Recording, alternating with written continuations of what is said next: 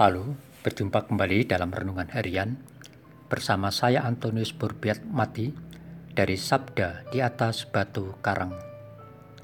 Saudara-saudari yang terkasih, hari ini Jumat tanggal 5 Agustus adalah hari biasa pekan ke-18. Hari ini peringatan pesta tahbisan Basilika Santa Perawan Maria di Roma memperingati Santa Nona, seorang pengaku iman, dan Santa Ia, seorang martir. Renungan kita hari ini terinspirasi dari bacaan kitab suci. Bacaan pertama diambil dari kitab Nahum, pasal 1 ayat 15. Dilanjutkan pasal 2 ayat 2, lalu pasal 3 ayat 1 sampai dengan 3, diakhiri ayat 6 sampai dengan 7 dan bacaan Injil suci dari Injil Matius pasal 16 ayat 24 sampai dengan 28. Mari kita siapkan hati kita untuk mendengarkan sabda Tuhan. Sekali peristiwa, Yesus berkata kepada murid-muridnya, "Setiap orang yang mau mengikuti Aku, ia harus menyangkal dirinya, memikul salibnya, dan mengikut aku.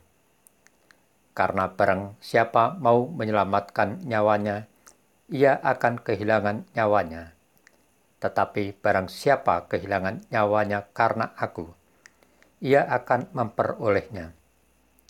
Apa gunanya seorang memperoleh seluruh dunia, tetapi kehilangan nyawanya? Dan apakah yang dapat diberikannya sebagai ganti nyawanya? Sebab anak manusia akan datang dalam kemuliaan Bapaknya, diiringi malaikat-malaikatnya. Pada waktu itu, ia akan membalas setiap orang menurut perbuatannya.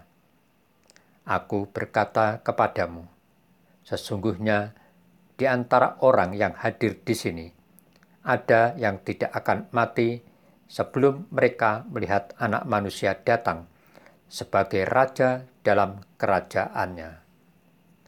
Demikianlah Injil Tuhan. Terpujilah Kristus.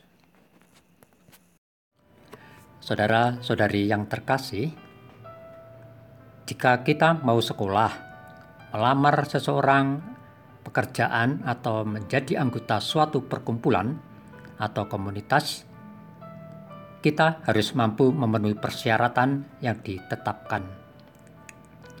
Kalau tidak cukup syaratnya, ya pasti ditolak. Demikian halnya untuk menjadi pengikut Yesus. Bukan sekedar dengan memenuhi persyaratan administratif, mengikuti pelajaran katekumen lalu baptisan. Ada persyaratan khusus yang ditetapkan langsung oleh Yesus sendiri.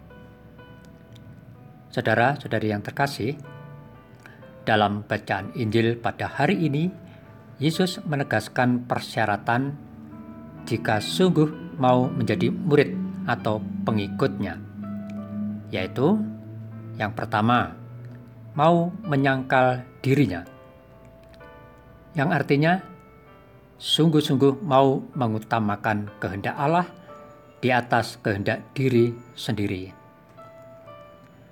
Lalu yang kedua, memikul salib, yang artinya siap sedia menderita demi kebenaran akan Yesus Kristus dan tata kehidupan beriman. Kemudian yang ketiga, mengikuti Yesus dengan setia sampai akhir hayat kita. Saudara-saudari yang terkasih, kelihatannya ringan dan mudah persyaratan dari Yesus tersebut.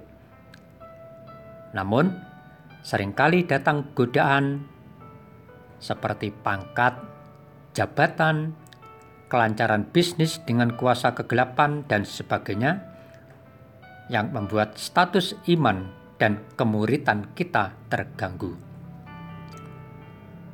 Semoga dengan penyertaan Roh Kudus, kita mampu memenuhi persyaratan menjadi pengikut Yesus tersebut, sehingga kelak kita dapat memperoleh ganjaran surgawi.